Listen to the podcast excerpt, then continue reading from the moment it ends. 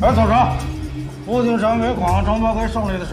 Un toque de violència, 25 de juliol. Un fresc cru i amarg sobre la Xina contemporània amb el segell d'un dels directors asiàtics de més prestigi actualment, Jia Zhangke, autor de Naturaleza Muerta. Aquesta vegada, Zhangke, que amb aquesta història va guanyar el premi al millor guió al Festival de Canes, es fixa en quatre personatges oprimits. Un d'ells, per exemple, és un miner que decideix passar a l'acció davant la corrupció dels qui el governen.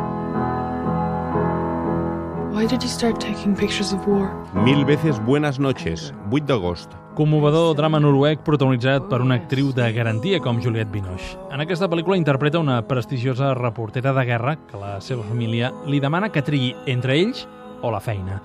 Un títol, doncs, que se sumarà a la llista de bones produccions que han tractat temes similars, com ara Territorio Comanche, l'any que van viure perillosament les flors de Harrison o els crits del silenci. I want you to visualize. Visualize. See yourself going under, blowing bubbles. Una cita para el verano, 14 d'agost. Única pel·lícula com a director de l'actor Philip Seymour Hoffman, mort al febrer.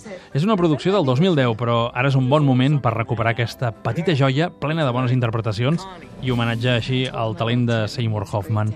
Una entranyable història sobre l'aprenentatge de l'amor, on el mateix actor i director nord-americà es posa a la pell d'un introvertit conductor de limusins a Nova York.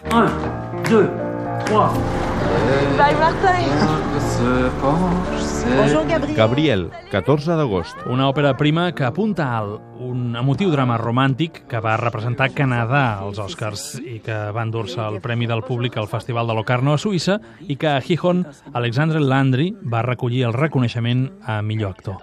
La protagonista d'aquesta singular història d'amor és una jove que pateix una deficiència mental i que lluita per tenir una vida normal.